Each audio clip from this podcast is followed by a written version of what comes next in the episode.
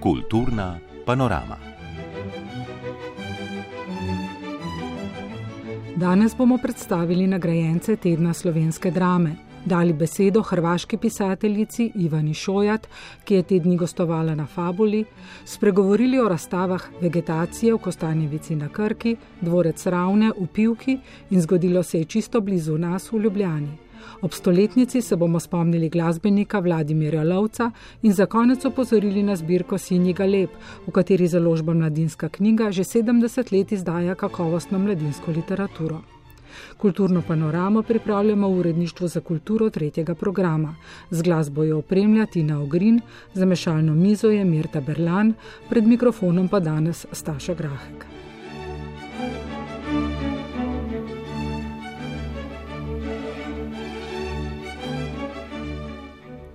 Sinoči se je v Preširnovem gledališču v Kranju končal 52. teden slovenske drame. Na sklepni slovesnosti so podelili nagrade strokovnih žiri in občinstva. Letošnjo Grumovo nagrado za najboljše dramsko besedilo je prejela Katarina Morano za besedilo Usedline, ki ga lahko v prizoritvi v tej sezoni gledamo na odru mestnega gledališča Ljubljanskega. Šeligovo nagrado za najboljšo predstavo po izboru žirije pa je prejela v prizoritev Solo, Nine Rajič Kranjac in ekipe ustvarjalcev, ki je nastala v koprodukciji Zavoda Maska in Slovenskega mladinskega gledališča. Več v prispevku Petre Tanko. 52. teden slovenske drame je v nekaj manj kot dveh tednih prikazal, po mnenju selektorja Roka Andresa, najboljše uprizoritve različnih dramskih zvrsti in pisal za odr slovenskih dramskih pisev in pisateljic. Jure Novak, direktor Preširnovega gledališča v Kranju, je o festivalu povedal. Jaz se lahko pohvalim, da so bile vse naše predstave, se pravi tako v spremljevalnem, tekmovalnem in dodatnem programu, zelo dobro obiskane kar me pa niti uh, ne čudi blazno, ker se mi zdi, da je bila letošnja uh, selekcija gospoda Andresa res polna zelo, zelo kvalitetnih predstav. Meni se zdi, da je pretekla sezona pokazala, da je slovensko gledališče in slovenska dramatika seveda iz korona krize išla s polnimi ključi in velikim zaletom. Videli smo lahko na, na tem festivalu res zelo veliko, zelo raznolikih pristopov. Mislim, da so bile dobro reprezentirane različne generacije, različni spoli, tudi institucionalni in neinstitucionalni projekti in tako dalje. Tako da se nadejam, da slovensko gledališče s takim tempom in entuzijazmom bo tudi nadaljevalo. Strokovna žirija je nagrado Slavka Gruma za najboljše dramsko besedilo podelila Katarini Morano za besedilo Usedline, ki je po njihovem mnenju dokument nekega življenja, njegov odtis, pri katerem izstopajo malenkosti in podrobnosti, ki se ne mara ne zdijo pomembne, vendar se postopoma usedajo na dno naše biti in nas definirajo in konstituirajo kot osebnosti.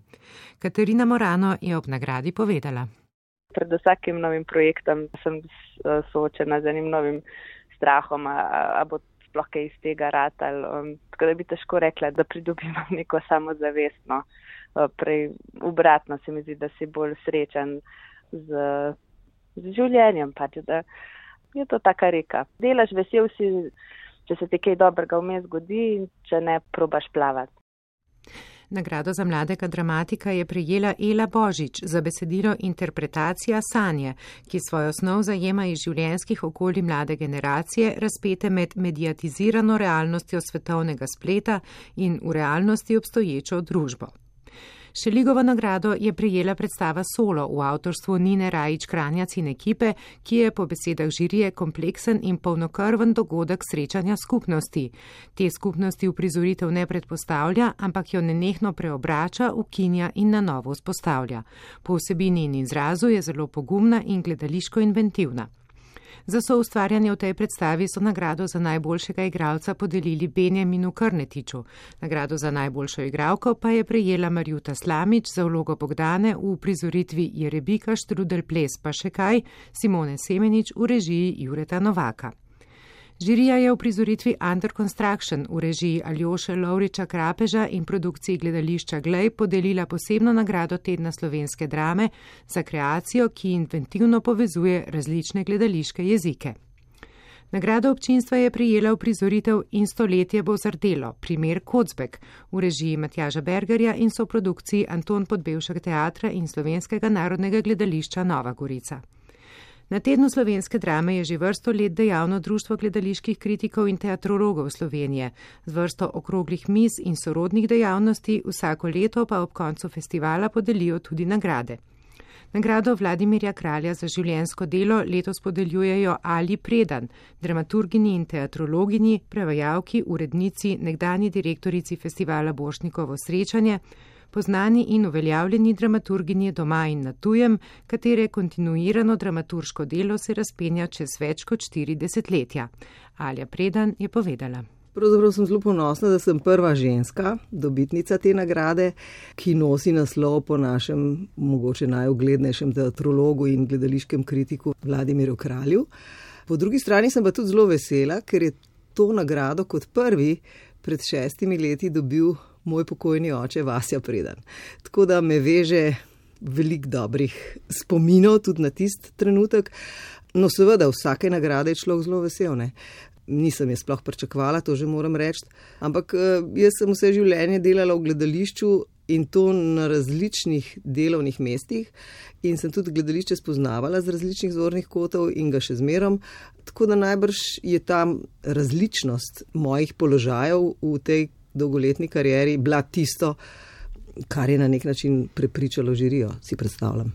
Društvo gledaliških kritikov in teatrologov Slovenije je nagrado Vladimirja Kralja za kritiške in teatrološke dosežke v zadnjih dveh letih podelilo Petri Vidali ki je nosilka Stritarjeve nagrade in Glazerjeve listine v letih 2016 in 2017 selektorica festivala Boršnikovo srečanje in v zadnjem desetletju opozarja nase s profilirano in slogovno izbrušeno kritiko predstav.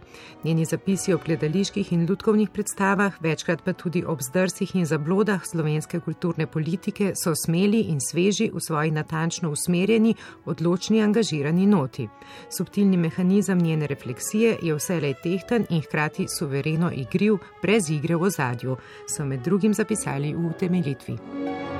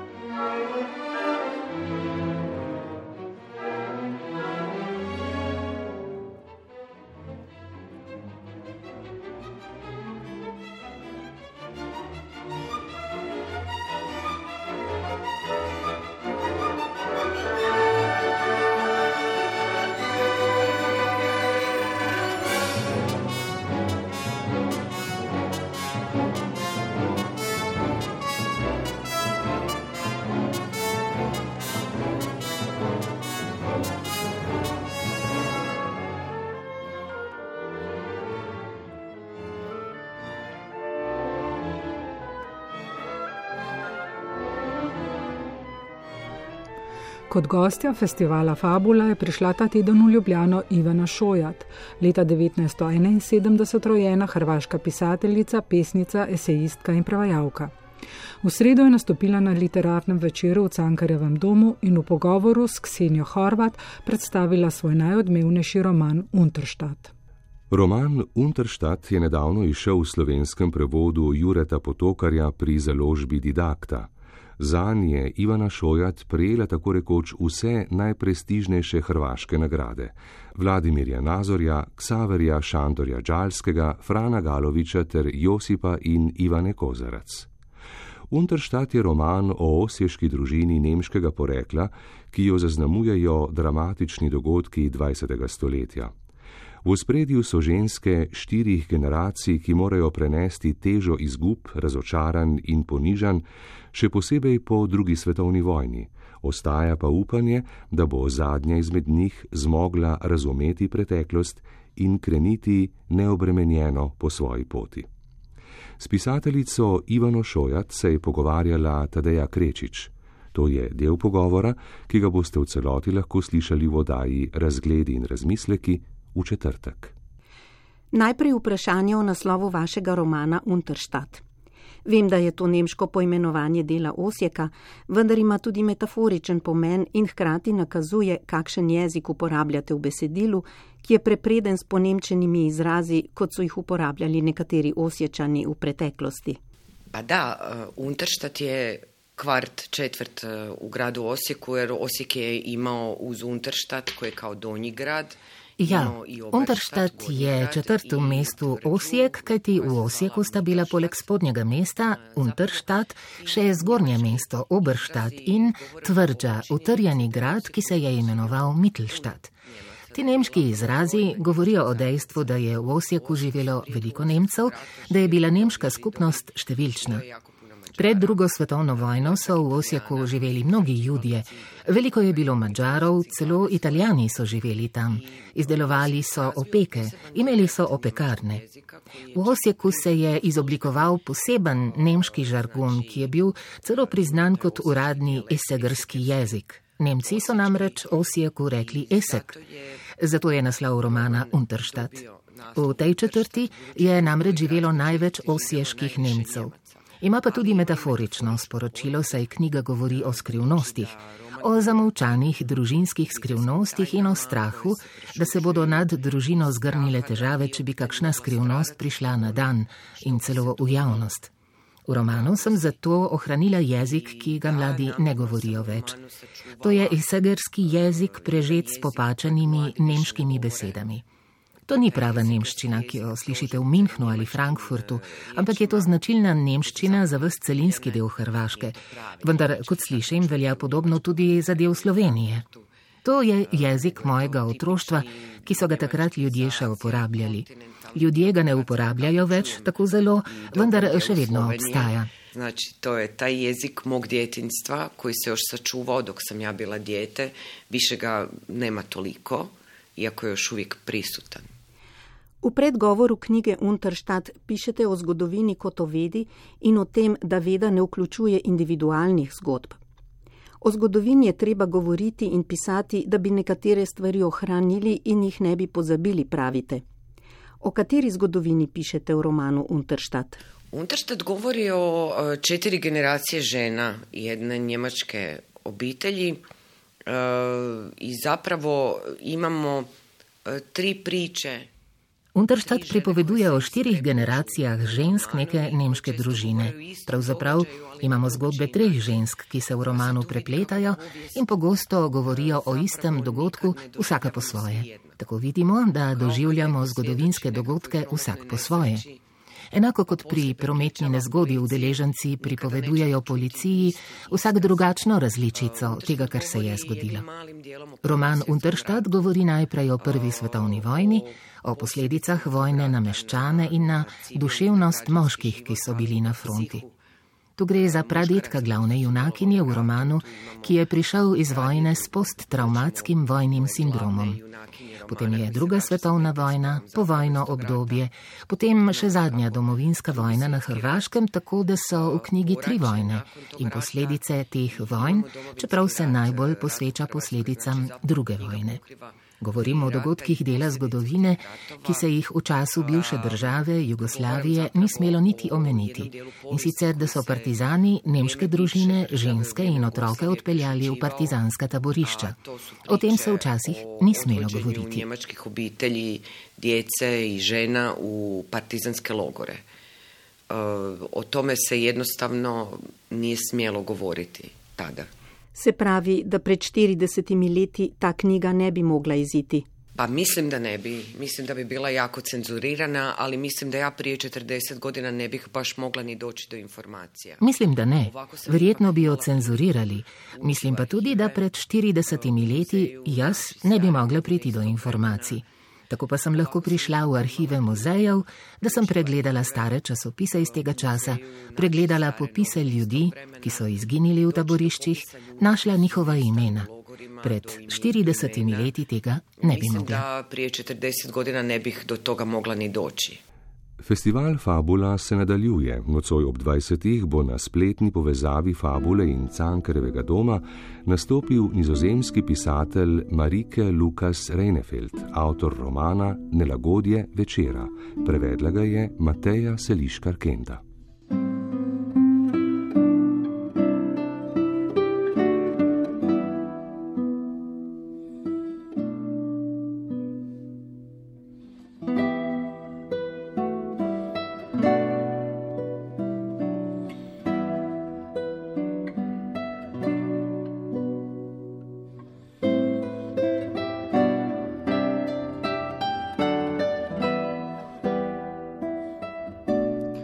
Občina Pivka je v parku vojaške zgodovine odprla začasno razstavo Dvorec Ravne.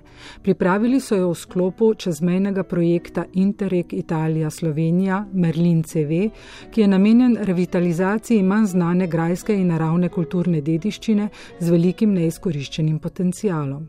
Z različnimi dejavnostmi želijo gradove, dvorce in vile obuditi in jim dati novo vsebino. Sabrina Mulec se je pogovarjala s sodelavko občine Pivka Ano Čič. Občina Pivka bi s projektom rada obudila dediščino dvorca Ravne in z njim povezanega Šilentabra. Razstava je ena od glavnih projektnih aktivnosti in v bistvu predstavlja celotno zgodovino in tudi razvoj dvorca Ravne. Na razstavi so predstavljene plemiške rodbine, ki so si lastile dvorec skozi zgodovino, torej vse od prve družine rodbine Ravnah, ki je tam postavila stolpa z dvor, do v bistvu vrhunca dvorca Ravne. Ko je bil imenovan uh, Raj na Krasu oziroma Raj na Notranskem, k temu ga je pripeljala rodbina Hohenwart in potem nekako do njegovega zatona, torej po drugi svetovni vojni je bil dvorc eh, nacionaliziran, potem pa so bila v njem urejena eh, socialna stanovanja. Danes je prazen. In občina se že več let trudi uh, mu dati neko novo vlogo in ga na, na nek način ponovno restaurirati, konzervirati in ne na zadnje uh, oživiti z neko novo vsebino. Kaj pravzaprav lahko vidimo na razstavi? Pestrost razstavi dajejo predvsem eh, predmeti družine Hohenwart. Z raziskovanjem smo navezali stik z gospo Stefani Wiesbauer in Gabriele Bleikner, to so sestri, potomki omenjene rodbine. In v, z velikim veseljem so nam odstopile nekatere predmete svoje družine. Med drugim so bili določeni predmeti tudi v samem dvorcu, torej v dvorcu Ravne in so prvič na ogled. Uh, na razstavi. Uh, poleg tega se pa moram zahvaliti tudi Narodnemu muzeju Slovenije in pa Prirodoslovnemu muzeju Slovenije, ker sta nam odstopila nekaj svojih predmetov, naprimer arheološke najdbe iz Šilentabora in pa zbirko Konhili, to je zbirko Povžev Franca Jožefa Hannibala Hohenwarta. Na razstavi so izpostavljeni tudi nekateri posamezniki iz omenjenih rodbin, eh, naprimer Bernardin Ravenski, pa tudi Franz Jožef Hannibal Hohenwart. On je v bistvu ob svoji upokojitvi se vrnil eh, na ravne in tukaj živel. Zbiral je okamenine, bil je velik eh, planinec, pohodnik. Kot prvi se je pospel na Mangard. Med drugim je napisal tudi prvi vodnik po postojnski jami, po njem je naprimer poimenovan tudi drobnovratnik, torej prvi odkrit jamski hrošček z latinskim imenom. Vsekakor je bil torej pomemben uh, tako za naše lokalno, kot tudi za širše uh, slovensko okolje. Namreč bil je tudi ustanovitelj uh, Kranskega deželnega muzeja, ki je danes v bistvu Narodni muzej Slovenije oziroma Prirodoslovni muzej Slovenije. V sklopu projekta pa je nastal tudi film o Šilentabru. Ja, v sklopu vizualizacij uh, smo pripravili tudi krajši dokumentarni film, ponovno v sodelovanju z Narodnim muzejem Slovenije. Narator filma je namreč dr. Boštjan Laharnar, uh, slovenski arheolog, ki predstavlja posamične arheološke najdbe, vse od železne dobe do rimske dobe oziroma kasneje srednjega veka. Eh, Šilen tabor je namreč eh, za naše območje zelo pomemben, bil zelo pomembna strateška točka in je bil naseljen že v prazgodovini. V času turških upadov v 15. stoletju je bil na njem grad in protiturško zatočišče in skupaj sta tvorila enega največjih utrjenih kompleksov Eh, na slovenskem. Eh, danes eh, lahko na Šilen tabru vidimo samo lepe razglede, ker od ogromnega kompleksa ni ostalo nič. Projekt Merlin CV se bo zaključil v avgustu letošnjega leta. Na njem pa bomo pripravili še zbornik strokovnih prispevkov, poimenovan Dvorec Ravne med zgodovino in digitalnim. Gre za zbornik osmih strokovnih prispevkov, ki na eni strani obravnavajo zgodovino Dvorca Ravne in Šilen tabora, na drugi strani pa proces digitalizacije grajske kulturne dediščine. V parku vojaške zgodovine pa so v četrtek odprli tudi novo stalno razstavo Boj v zaledju strelskih jarkov. Razstava, financirana iz programa sodelovanja Interreg VA Italija Slovenija, prikazuje vojaški transport na Soški fronti.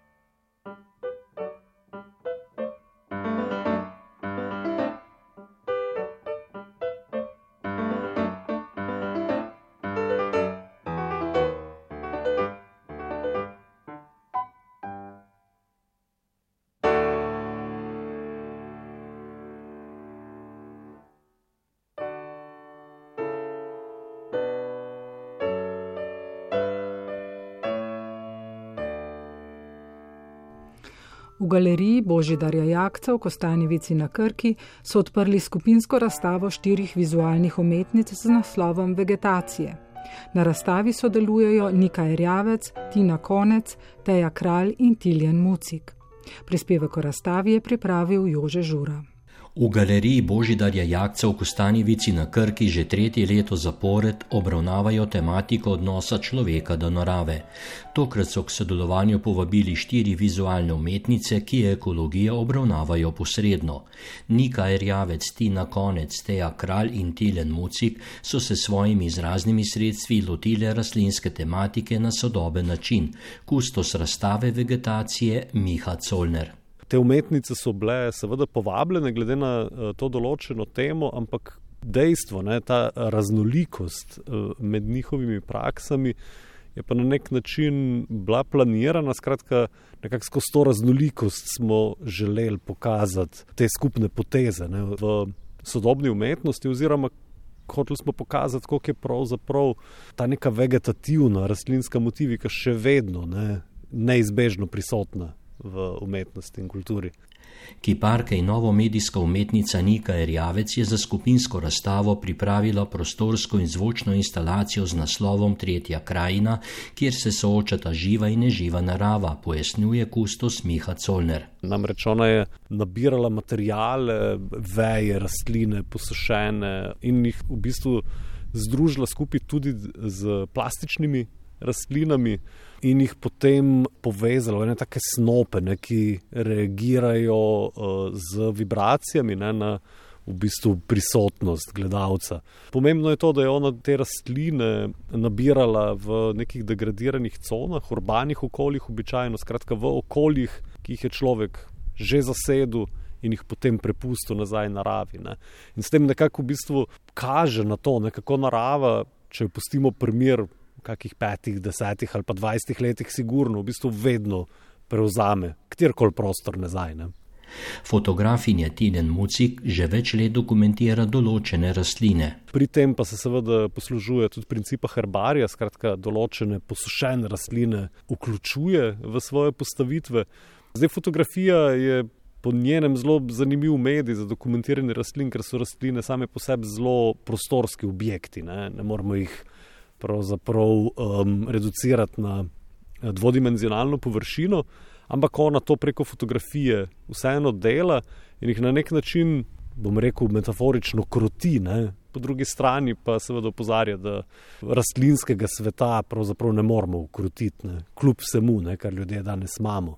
Ti na konec se na razstavi predstavlja sanskimi, natančno izdelanimi risbami rastlin, dreves in krošen in uh, v bistvu skoraj da nadrealistično pokaže to veličino narave ne, in seveda spet ima neko referenco na zgodovino umetnosti, ne, ker so ljudje na naravo gledali kot na nekaj sublimne, sublimnega, kot na nekaj zelo monumentalnega, ne, pravzaprav so se narave na nek način bal, mogoče so jo še vedno. Upam, da so jo še vedno. Četrta umetnica na skupinski razstavi je slikarka Teja Kralj in v svojih platnih spet povzema te neke rastlinske vzorce. ne slika rastlin kot takšnih, ampak se osredotoča na recimo čipke ali pa neke vzorce na tekstilu. Skratka, na rastlinske vzorce, ki so že bili predčasno prenešeni v polje kulture, ustvarjeni strani človeka, ona pa v bistvu te zdaj vegetativne vzorce prenaša nazaj na platno. Ne? In v bistvu s samo slikarsko površino nekako daje občutek, čeprav je dvodimenzionalna, daje občutek te neke teksture, trodimenzionalnosti. Če bi povzel to ne, vprašanje, preprosto nekako sodobna kultura, ki je prežeta z raznoraznimi novimi tehnologijami, eh, znanstvenimi odkritji, še vedno se odziva ne, na to vsakdanje naravno, ki nas obdaja. Je še pojasnil kustos razstave Miha Colner. Skupinska razstava vegetacije bo v lapidarju galerije Božidarja Jakca v Kostanjevici na Krki na ogled do 9. junija.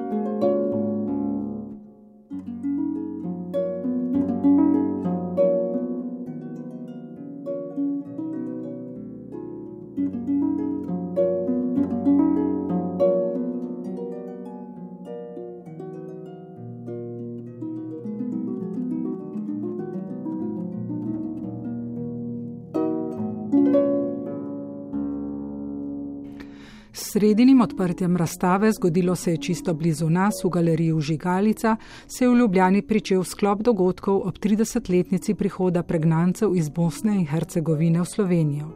Drugi del razstave bodo odprli naslednji teden v galeriji Vodnikove domačije Šiška.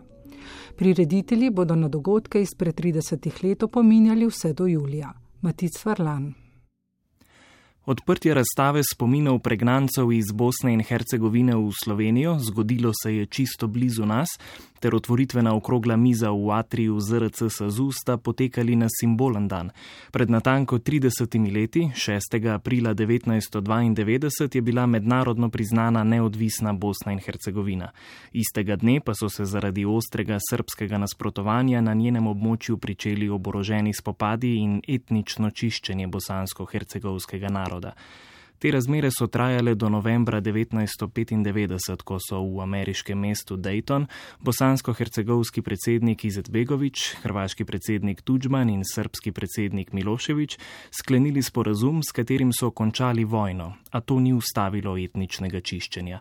Zaradi grozovitih razmer, nacionalnega konflikta, ekonomske krize in popolnega zloma političnega sistema je moralo več milijonov ljudi zapustiti svoja domovanja, več deset tisoč pa se jih je zateklo v Slovenijo.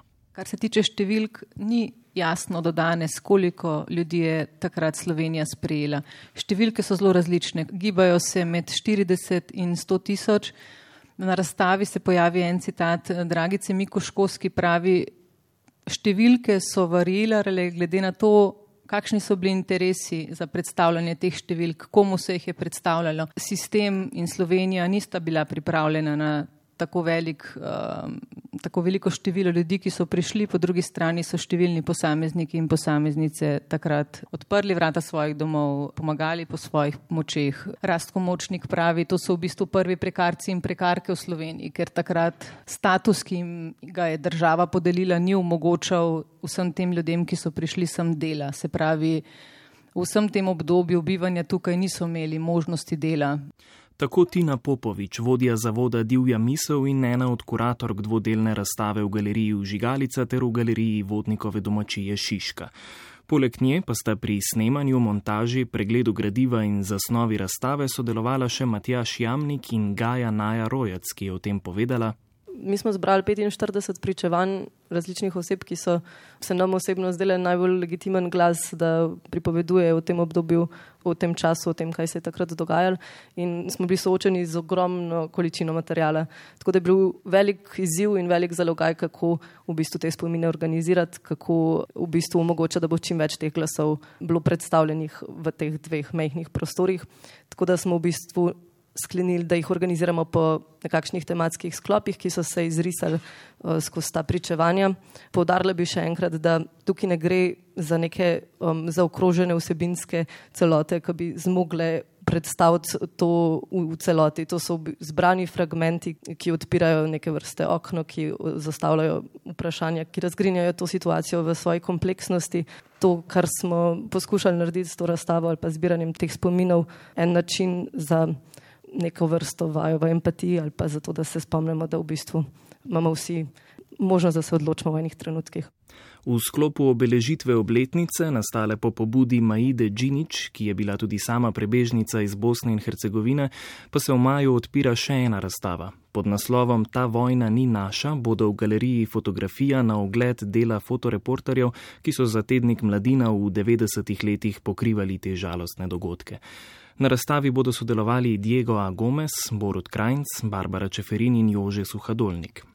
Poleg razstav in različnih okroglih mis pa se ob 30. obletnici prihoda pregnancev iz Bosne in Hercegovine v Slovenijo obeta koncert pod Alpski sevdah Damirja Imamoviča in po več kot 20 letih ponovno združenih zasedb Vali in Dertum, v katerih so večinoma ustvarjali pregnanci. In ravno oni so odigrali eno ključnih vlog pri ohranitvi tega tradicionalnega južnoslovanskega glasbenega žanra. Takrat so za svoj drugi dom vzeli avtonomne prostore, kot sta vodnikova domačija in kut France Prešeren, kjer pa so se poleg z glasbo ukvarjali tudi z literaturo in likovno umetnostjo, med drugim pa so tudi delovali v gledališki skupini, ki jo je vodila dramska igralka Draga Potočnjak. Mislim, da je ključno, pravzaprav zakaj je bila ta ustvarjalnost, v kateri se je morda največ govoril in da se je zgodilo takrat prav to, da so bili begunci umaknjeni, da so bili pregnanci umaknjeni. Ogromno je bilo mladine in to je bila res tudi velika energija, ki, rabi, ki se rabi živeti. In uh, najde tudi sama pot do tega, da spregovori. V okviru tega projekta Pregnanci uh, je delovala Barbara Bulatovič z lutkami, iz tujine so prihajali igravci, lutkari in tako naprej. In pa mi smo osnovali leta 1993, predtem sem imela eno drugo skupino, nepopremljive optimiste in poverjenike v Sarajevsko dušo. Seveda smo te poverjenike v Sarajevsko dušo dal hmal stran. Potem smo naredili štiri predstave. V letu obletnice so imeli v načrtu rekonstruirati eno izmed teh štirih predstav nepopravljivih optimistov, saj so se trije nekdani člani skupine ponovno preselili v Slovenijo, a jo bodo uživili šele prihodnje leto. Avtorskemu projektu Doji Makar sebi, ako nemaš kome drugom, se boste pridružili tudi režiserka Nina Šorak in igralka Tamara Augustin.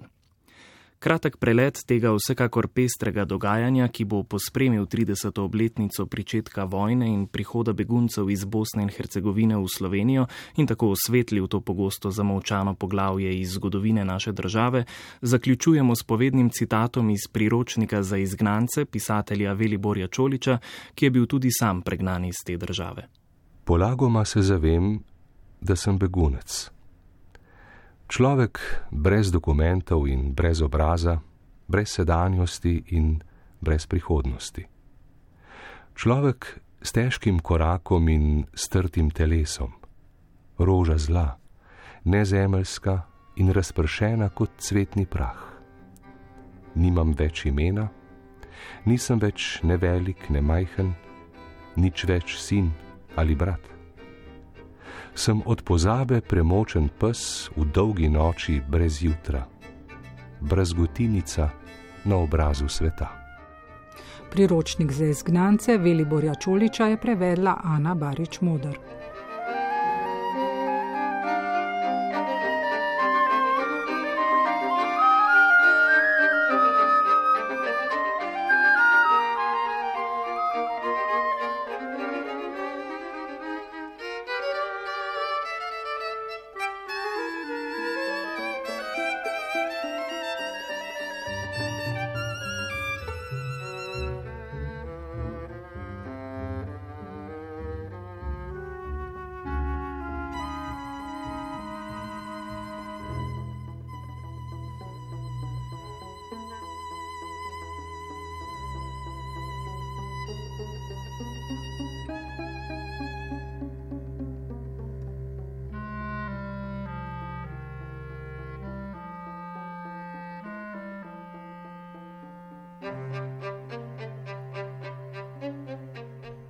6. aprila, na dan rojstva slovenskega skladatelja Vladimirja Lovca, ki je večino svojega življenja ustvarjal v Kopru, so v prostorih tamkajšnje glasbene šole slovesno odprli Lovčevo leto. Mestna občina Koper je jubilejno leto razglasila ob stoletnici glasbenikovega rojstva. Z izidom nove notne zbirke Lovčevih manj znanih klavirskih skladb in njihovo koncertno izvedbo ter z odprtjem razstave so organizatorji slovesnosti dali tudi tehtno vsebino. Zanimanje je bilo veliko, dvorana prepolna, poroča Leja Hedžet.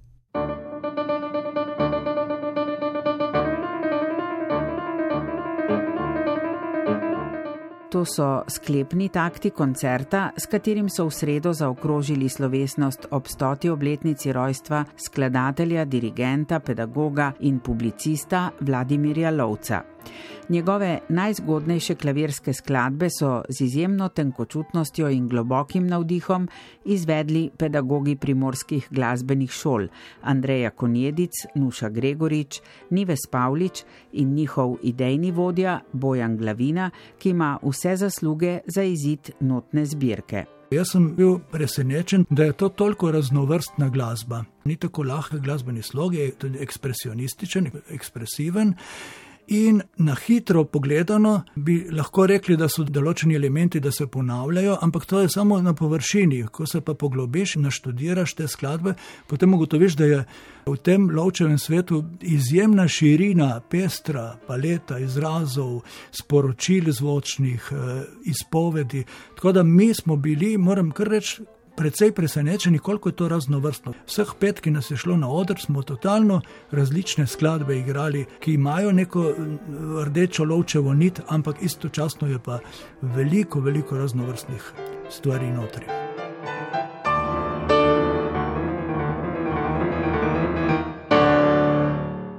S pestrostjo in globino izraza je glasba Vladimirja Lovca prepričala tudi pianistko Nives Pavlič, ki je za izvedbo na koncertu izbrala njegovo romantično suito. Presenetil me je svojo krhkostjo, ki jo nosi v sebi. Presenetil me je s celotno paleto čustev, ki jih ima v sebi, z ogromnim diapazonom različnih vplivov drugih skladateljev v svojih skladbah in svojo izvirnostjo.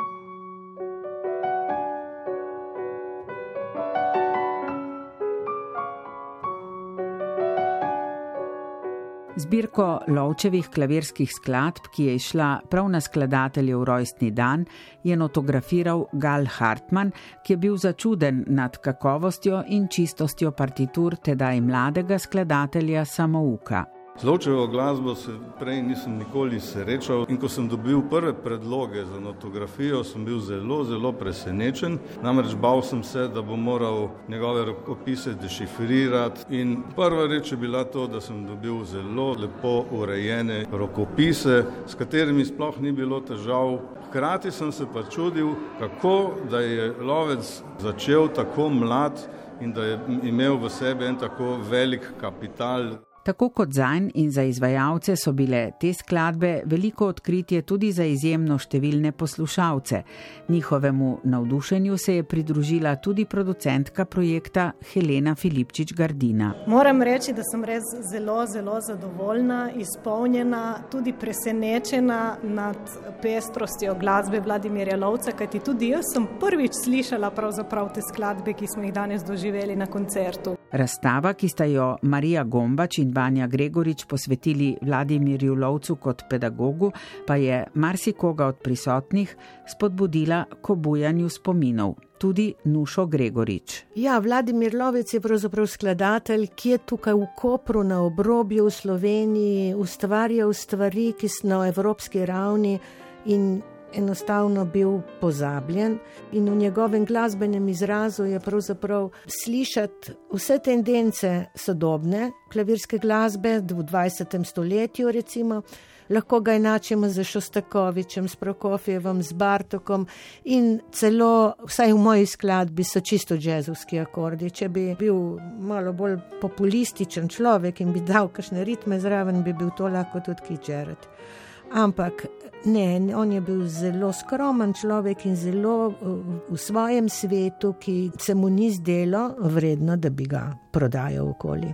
Zauzet v eno iskrenost In to mislim, da nam je vsem učencem svojim tudi dal v poduk in v popotnico, da v glasbi iščeš iskren izraz in čisto misel, in da ne zlorabljaš te umetnosti za karkoli drugega.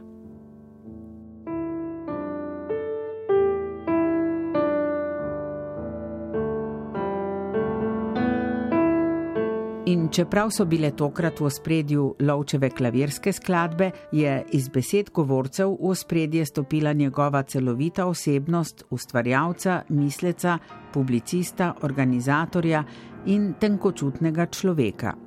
Vse bodo v lovčevem letu predstavljene še na muzikološkem simpoziju, na dveh tematskih razstavah ter na več koncertih komorne in simfonične glasbe.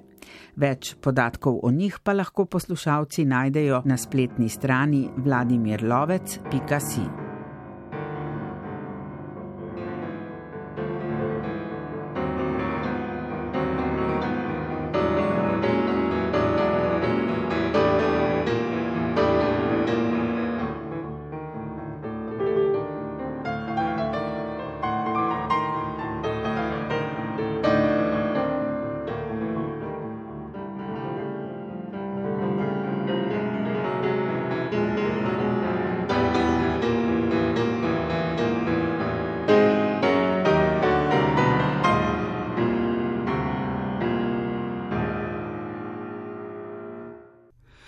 Letos mineva 70 let od ustanovitve zbirke Sinji Galeb, najstarejše zbirke knjig za mladino pri nas. Pri mladinski knjigi v Ljubljani jo je ustanovil in dolgo urejal Ivan Minati. Gašpr Stražišar pa je pred mikrofon povabil sedanjo urednico zbirke Sinji Galeb Alenko Velar, ki o zbirki nekoč in danes, pa tudi o obeleževanju 70-letnice med drugim povedala.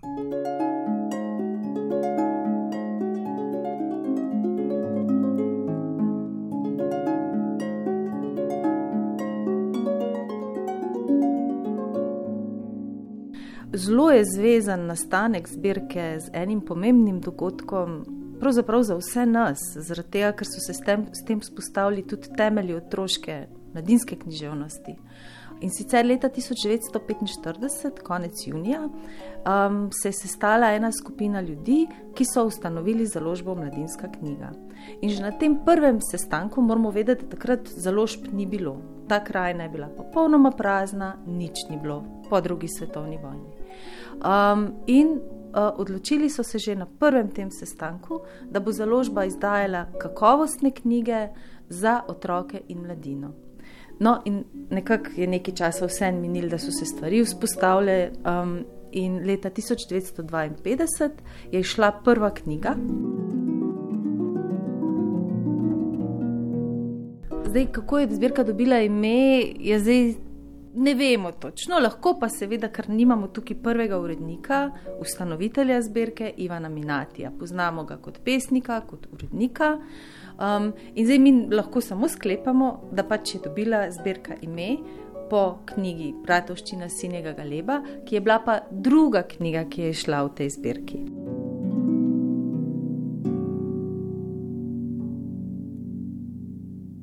V zbirki je šlo že čez 350 knjig. Um, veliko večino jih je uredil Ivan Minati. Danes v tej zbirki izideta na leto tako ena, dve, maksimalno tri knjige.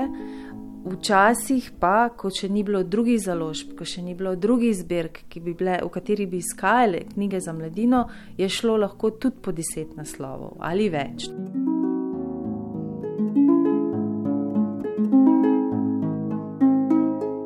70. obletnico praznujemo najprej s knjigami.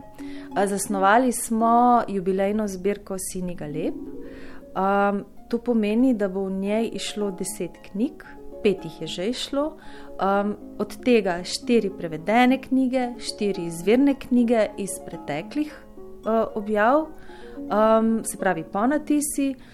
In išli bosta dve novi knjigi, se pravi ena nova izvirna, ki je pravzaprav že išla, to je Bleščivka Špele Frlic, in ena nova prevedena knjiga, ki bo pa tokrat ena polska klasika mladinske književnosti. Skratka, med temi naslovi, ki so ponatisnjeni, najdemo Jadrana Krta, najdemo Blatoščino Sinega Galeba, jeseni bo šla Teta Magna Svetlana Makarovič, brata je Leo Srčna, Astrid Lindgren. In to smo, v to praznovanje smo nekako že od celega začetka poskušali vključiti tudi pedagoge, pedagoginje, knjižničarke, knjižničarje. In recimo pri izboru teh prevodnih naslovov smo njih vprašali, ker oni pač najbolj poznajo uh, otroke, kaj oni jemljajo s polic, kaj oni berajo iz teh knjig, ki so išle že mnogo časa nazaj, pa zdaj niso več dosegljive in so oni pomagali narediti ta izbor.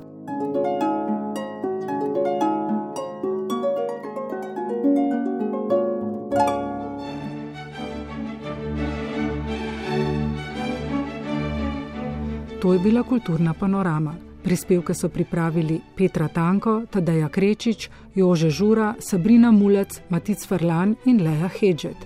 Brala sta Jasna Rodošek in Renato Horvat. Glasbo je izbrala Tina Ogrin, za mešalno mizo je bila Mirta Berlan, pred mikrofonom pa Staša Grahek.